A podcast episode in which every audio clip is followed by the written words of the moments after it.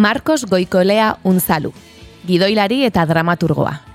Iruñakoa izan arren, urteak daramatza Bartzelonan, eta gaur ere antxe dugu uin eta pantalla bestaldean. Bertan egin zituen ikusentzunezko komunikazioan ikasketak, eta baita hainbat dramaturgia ikastaro ere.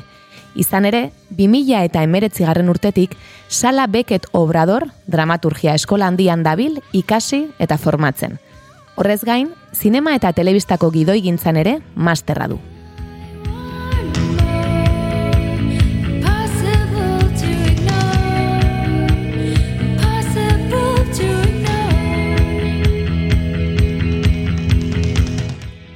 Ibilbide profesionalari dagokionez, kamera laguntzaile gisa urtetan aritu da. Barcelona Teatr eta Madrid Teatren ikuskizun ezberdinen inguruko idazketa egin izan du, edota hainbat publizitatetan kontzeptualizazio eta sormen idazkenak idazketak burutu ditu.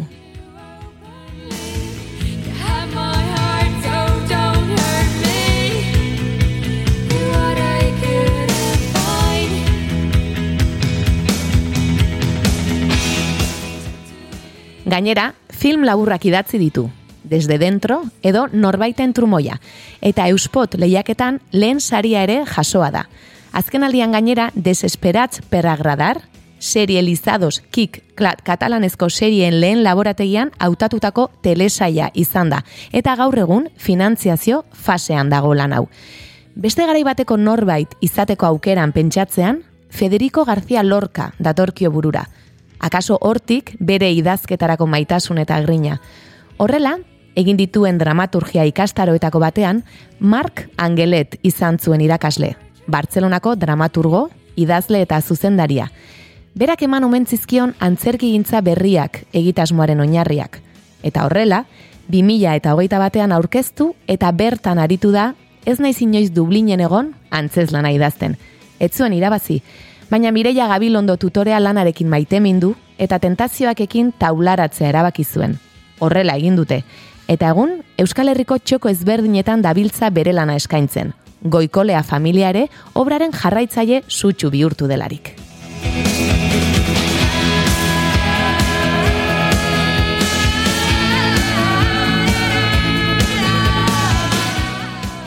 Lan honek ekarri du gurera gaurkoan Marcos Bartzelonatik egongo da gurekin eta honi buruz eta beste hainbat konturi buruz ere arituko gara berarekin. Ongi etorri bigarren kafeko kafe utxera, Marcos Goikolea unzalu. Kaixo, arratsaldeon, eskerrik asko, jo, zer aurkezten polita. arratsaldeon, Marcos. Arratsaldeon. Abestia proposa ere bai, eh? Bai, hori gero galdetu behar nizun. Nik zerbaiten bai, bai, eh, eskatu dut abestia, bai. Gauz asko dakizki hoianak bai, bai. eta ikusten da asmatu duela, dakin guztiarekin. Aizun, Marcos. Du, bai. Bai, e, nik aldera bat egingo dizut eta gero akaso besteren bat orokorren oianak idatzen du, kafe utxa izeneko tarte hau, nik galdetzen dizuet arte estenikoen protagonista zareten hoi, ea kafezaleak zareten bai ala ez? Kafezalea, bueno, ba, pare bat hartzen ditut egunean, ez dakit hori zalea den edo ez. Nahiko zalea bada, euste dut oiana, e, zaleen taldean kokatzeko bai, bai, bai, bai, bai, Kafea bai. inondik inora usaindu nahi ez duzuen on taldean, ez? bai, gaina ikusi dute, taza zuela eta pentsatu dut, agian infusio bai. bat izango da, ez, kafia. Bai, infusio da, bai, eske bigarren hartu dut ja. bueno, orduan nere... Bai, irugarrena pentsatu dut gehiagin zela, ez dakit. bueno, orduan da, eh, eh everyone friendly. hori da. Bai, bai, bai oianaren taldeak eta bai nere taldeak eh, ondo hartuko zaitu hor. Oso ondo.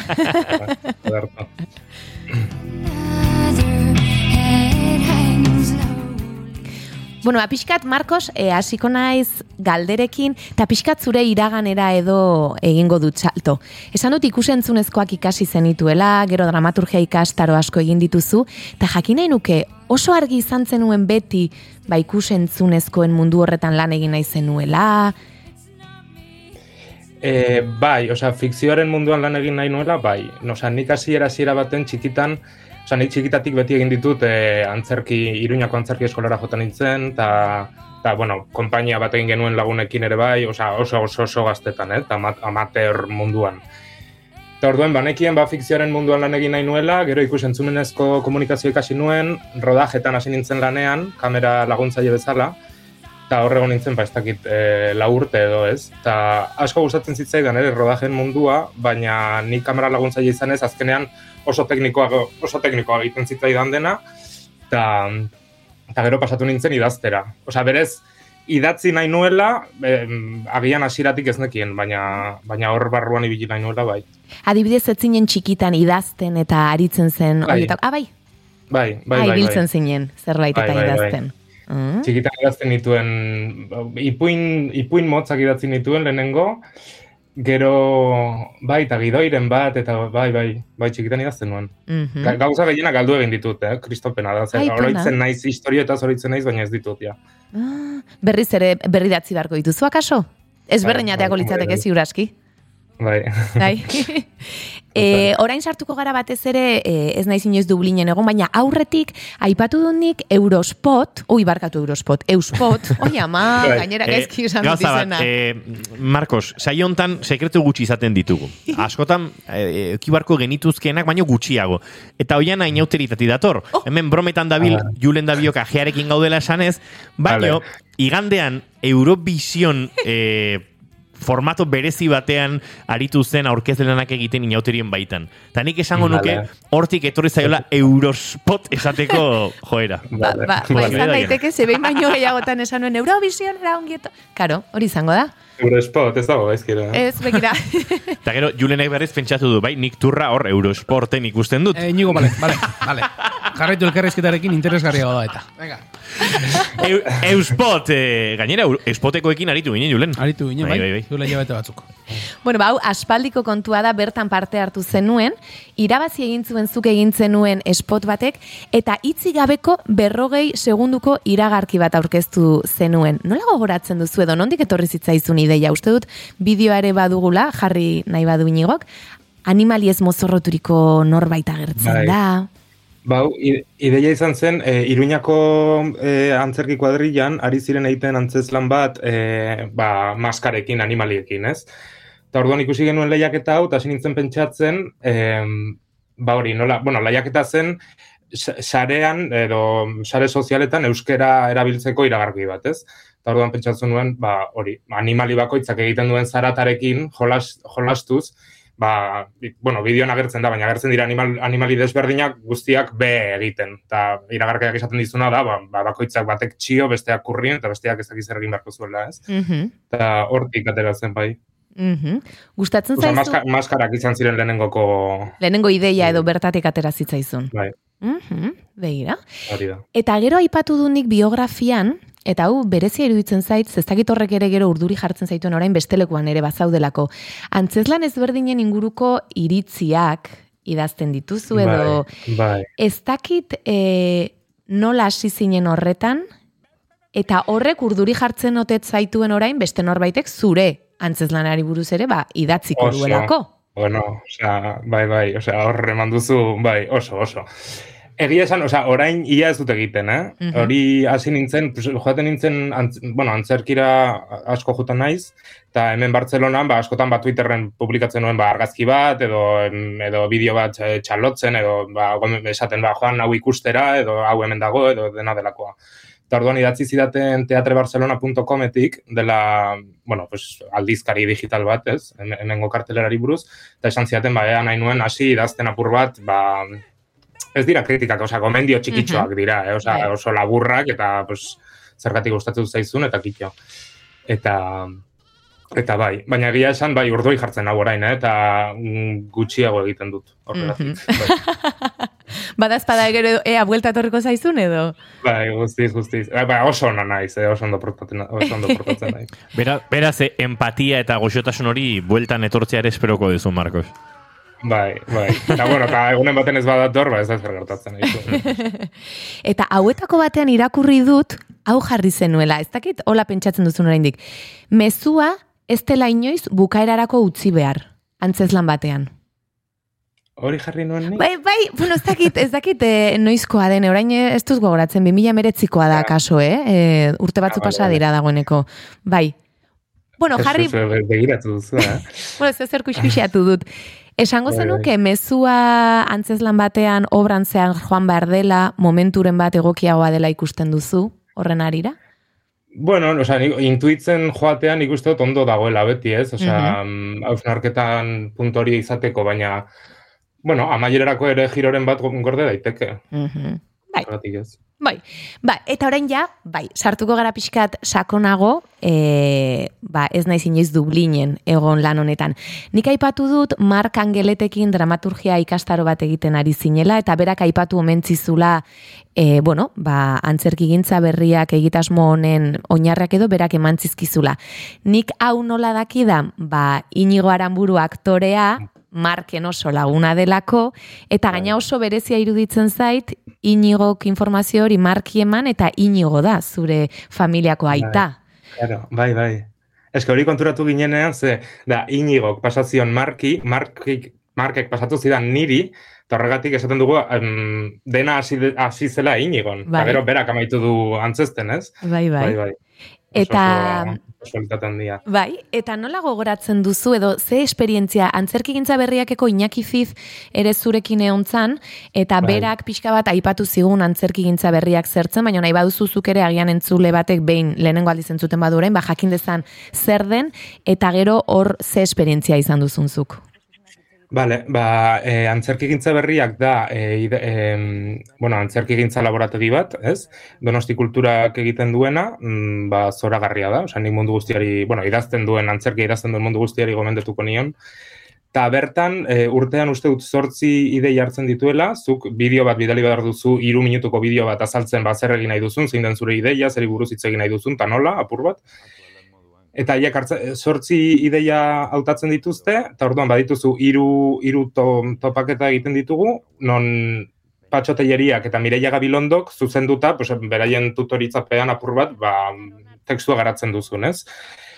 Gero, testu hauetatik, osea, zortzi tekstu irteten dira urtero, tekstu horietatik bat e, aukeratzen da ekoizteko, ne- ne- nire urtean ez zen nire aukeratua izan, baina gero deitu zidan Mireiak beranduago, eh, esaten ba, berak mm, ba, testu asko oso gogoko zuela, eta komedia bat egiteko gogo handia zuela, eta, eta hori.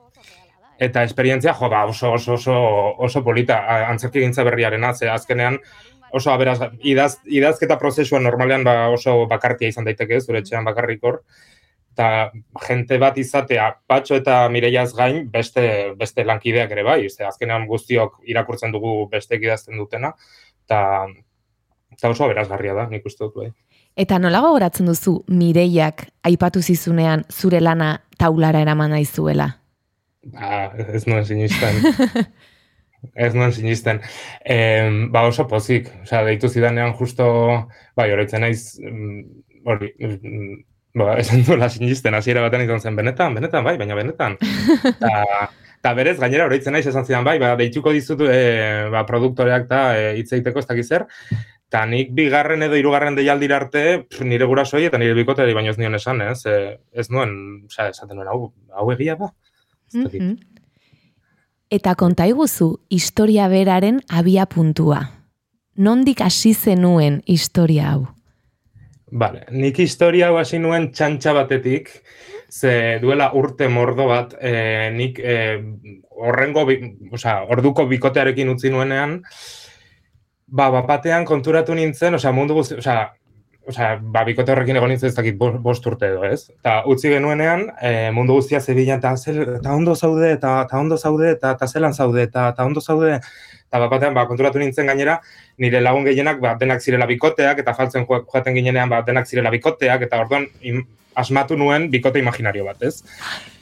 Eta horrela, pues, afaltzera joaten ginenean, jartzen nuen aulki huts bat neure alboan, eta ondo zaude, bai, oso ondo nago berarekin, eta, ez dakit, bakizu, eta ba, horrela jolasten nuen. Ta, ta lagunekin, antzerkiko lagunekin, bai, ba, konturatu ginen, ba, oso mm, txantxa eszenikoa zela. Eta azkenean da, pues, aulki huts baten inguruan jolastea. Eta orduan pentsatu genuen, sketch bat egitea, baina gero hor geratu zen, mm, eta, bueno, eta beti, osea, ideia buruan izan dut, eta eta ez zait joan, osea, que nik uste dut ideia ona zela. Eta, eta horrela hasi zen, bai. Begira, ze ona. Bai, esango nuke. Bai? Tontakeri itzela, bai.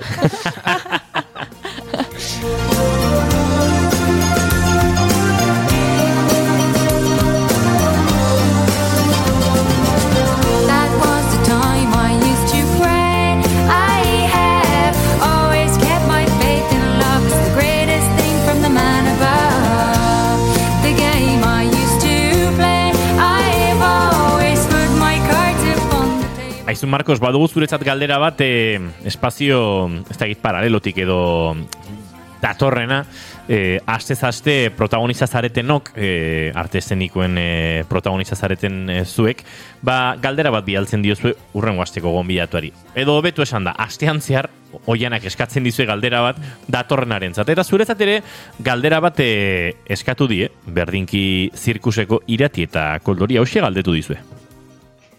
Kaixo Marcos, hemen iratita koldo zirku garaikide konpainiatik galdera hau daukagu zuretzat. Bueno, guk aurreko astean berdinki bezala egin genuen elkarrizketan aipatu genuen guretzat sorkuntza prozesuak oso terapeutikoak dirala eta bueno, nola baita esateko autobiografikoak edo bintzat mugitzen gaituzten gaiak hartzen ditugula holtza gainean. Zuretzat gidoia idazteko momentuan ze izan da gehiago autobiografikoa edo fikzioan oinarritua ala zuere etzera izan sekula du linen. Hortxe galdera, Marcos. Bai, ba, a ber, eh, ba, gauza biak, nik uste dut azkenean idazten duzunean gauza biak daudela, ez? Osea, zure bizitza, zure realitatea eta fikziotik pasata. Em, osea, antzes lan honetan, ni konturatzen naiz nire familia osa dagoela, hori hori egia da, osea, azkenean pertsonaiak ez dute esan haiek direla, noski, ze, baina mm, beraien kutsu bat dute. Eta beraz esango nuke, pues, erdi, erdi, bai, osea, nire bizitza hor dago guztiz e, baina fikzio asko ere badago, noski. Mm -hmm. Osa, exagerazioa erabiltzen da komedian beti, ez da, osa, ez da bizitza, ez da horrelakoa, zoritxarretz batzutan. eta okerrezpanago, zu ere Dublinen etzara izan, naiz eta aireportuan izan zaren? Bai, hori da. Aeroportuan bai, naiz e, bi ordu edo, baina Dublinen irian ez. Eta beste aktore, aktoreak ere ez dira izan, esan genuen hemen, joan egin barko duzuela familian, ez? Bai, bai, ea, ba, plan hona da, bai. Bai, bai, bai, bai. Historia kokatu duzu Gabonetako e, afari hoietako batean. Apropos aukeratuko zenuen garaiura.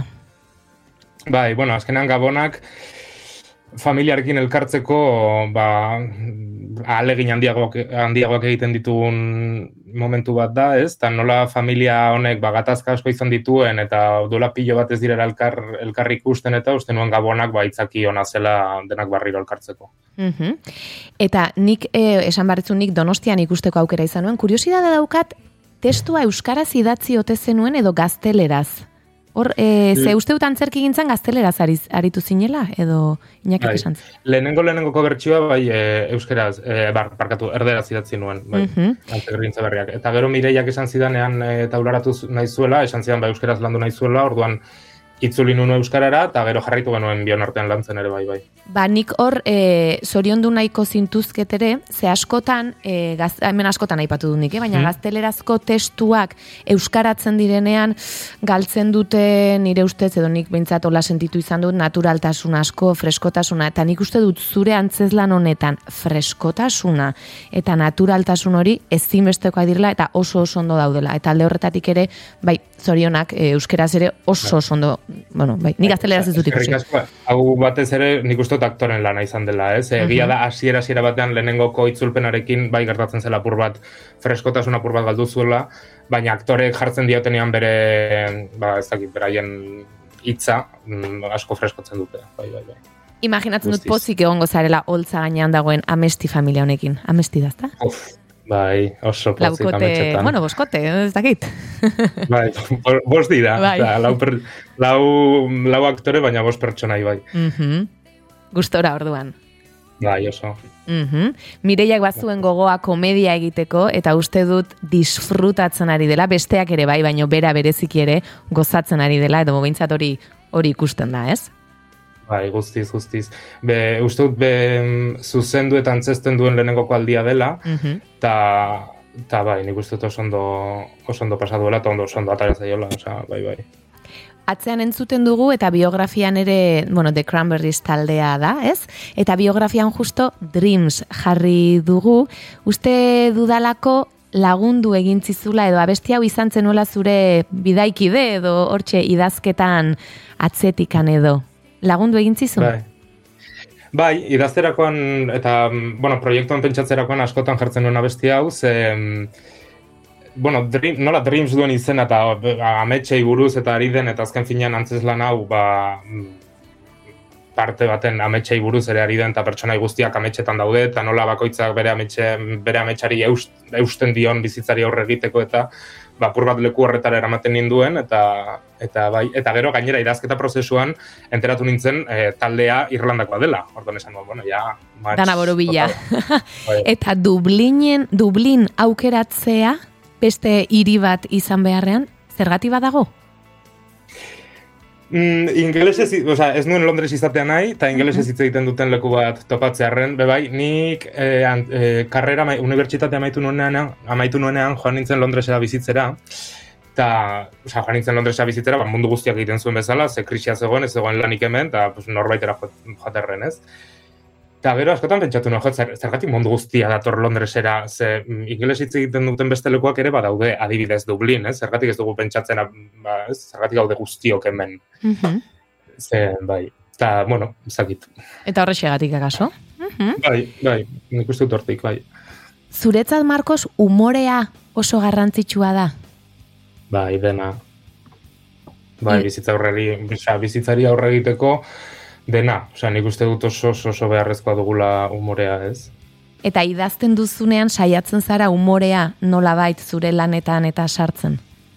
Bai, eta nahi gabe gainera, eh? Saiatzen ba naiz mm, umorerik gabeko zeo zer idazten, eta ni batzutan e, ba, kurtsuetan edo orain ere kurtsu bat egiten ari naiz eta idazten dudanean, ba, partekatzen dugu idazten ditugun tekstuak eta eta batzutan saiatzen naiz gauza serioak idazten, eta jenteak farre egiten dut, ez como, jo, ezin naiz. Ezin naiz serio jarri beti. Aha. bai. Eta orain eskuartean ordun baduzu zerbait. E, banabil gauzetan bai. Mhm.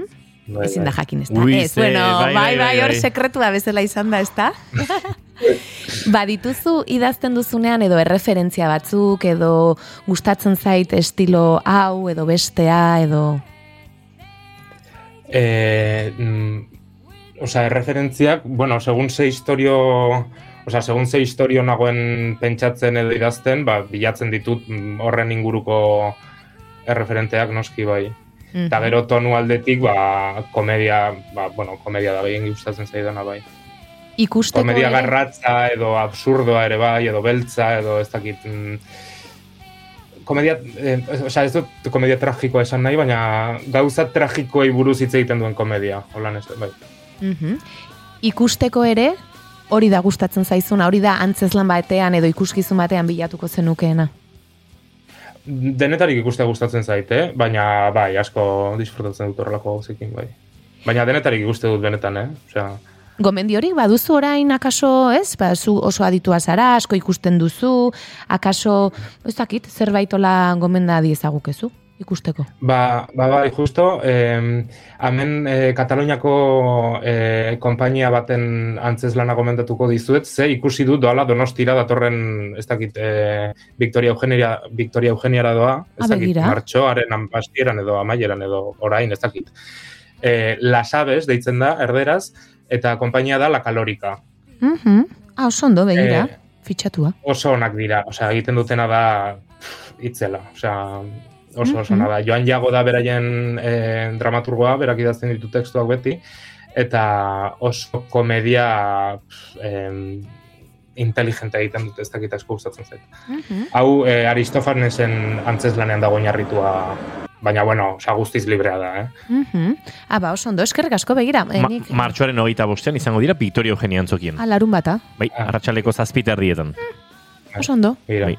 ikusi nuen donostira zijoa zela, eta bai, bai. Bai, bai. Oso oso onak dira. Eskertzen da, nik ze, niri gertatzen zait askotan, e, ohitura dudalagian euskarazko antzerkia ikusteko, eta beste obra asko galdu itxeitut edo ez naiz hainbeste edo añadi egoten bezala, bai? Eta ondola zure gomendioa jarraitzeko.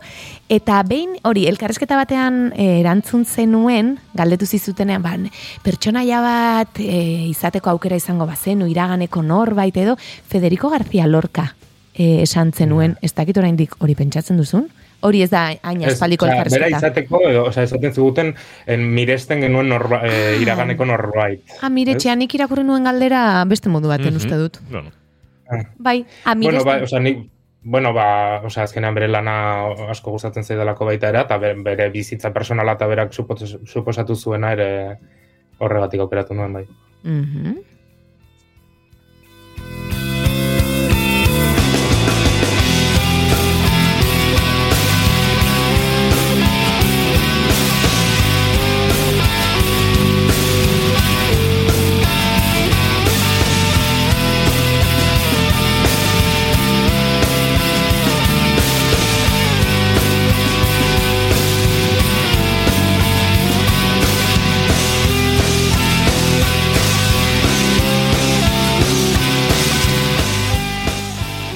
Galdera motx pare bat egingo Mhm. dizkiot. Lehenengua, e, txoritxo batek esan dit eta nik esan dut, baina agian gaizki esan dut, goikolea familia oso, bueno, antzerki honen oso zalea dela, ez naiz dublinen egon, baina agian unzalu familiare bai, akaso guztiak. Txoritxo batek esan dit, ba, familia asko disfrutatzen ari dela, eta manaldiak ikustera, ikustera joaten Bai. direla. Horrela da. Bai.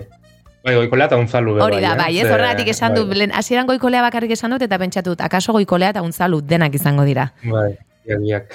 Bai, e, jo, baditut, ba, iz, mm, tio eta tiaren bat, ja, hiru biderrez ikusi dutena antzeslana, osea, bai, bai, dira oso, oso fanak. Haiek, bueno, nire familia guztian naizetan iruñakoa izan, haiek durangokoak dira, edo durangaldekoak. Orduan, ba, bai, egon dira Galdakaon, egon dira Bilbon, egon dira Donostin, orain elorri ora joango dira ere bai, bai, bai. Beraz, alde batetik bestera, antzeslanaren atzetik. Bai, bai, gainera eske oso familia handia gara, eh? Mhm. Ze baditut, hogeita lau lengu uste dut. Mm, begira, Wow. bai, bai, handia. Bai, nik ere, honiko gita maika. Ah, era. Da, begira. Ike beste hauziek. Bi, lehen guzu. Bi. Bilen guzu. Bueno, nire dire. Erdi, Bataz bestekoa, manten, horrekatzeko. Hala ere, kontatuta dauzkazu, eh? Kontatzen, nik, Bai, nik, kontatzen zure hasi. erresa, nik kontatzen hasi beharko Bai. nuke. Bai, karo. Bueno, nik Eh, zergatik egia esan, baina... Hiru eta bi bost, eta bat sei, eta bi zortzi uste diala. Eta nean nahi eta biok, amar. Mm, Hori kontatu egiten dira edo ez? Ez. Ez, guzuak ez lehengusuk. zugetzen, bale, bueno, baina amar lehen guzu gara. Bai, hori. Eta nik ah, zortzi bueno. lehen guzu ditut, ez? Hori da, bueno, bai. Bueno, nik asko ez, eh, Julen? Naparren zerbait izango da, akaso, eh? Ni erdi naparra naiz eta bi guraso naparra dazkat. Bueno, dakit, Marcos er- erdi durangarra Bueno, da. erdi durangarra bai, orduan, Ja. ja, ez, hor moztu intzai. Gurasoak biak dira durangokoak. Ah, bardun ez errez. Bueno, o- o- e, oiena, Bai. jarraitu zure teoria garatzen. Zure teoria garatzen jarrai ezakezu urrengo astera begira. ez, ez, ez, ez da oso teoria. Seis y veintitrés, verso libre, verso suelto.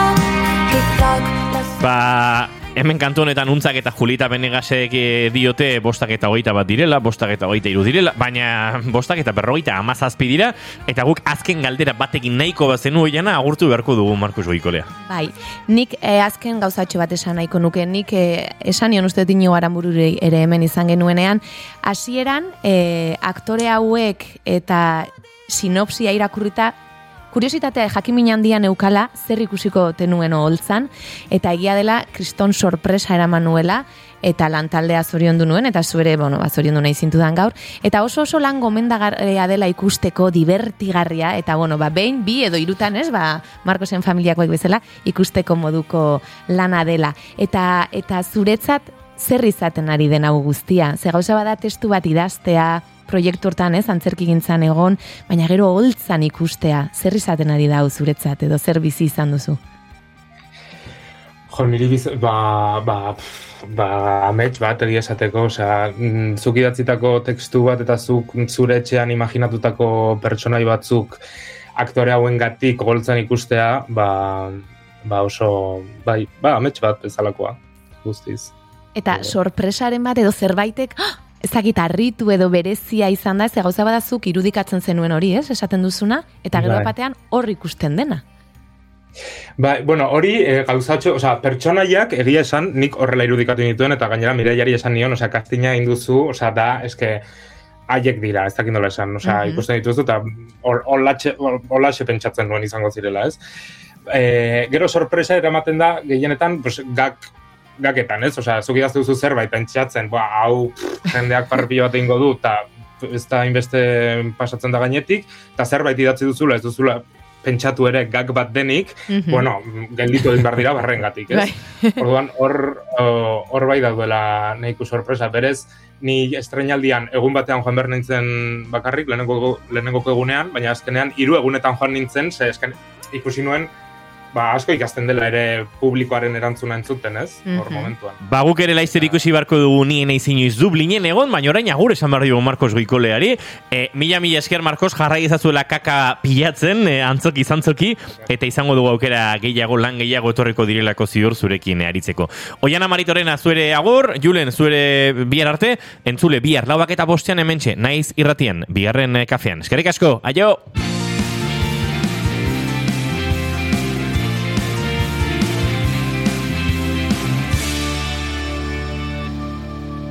Keep calm and bigarren kafea.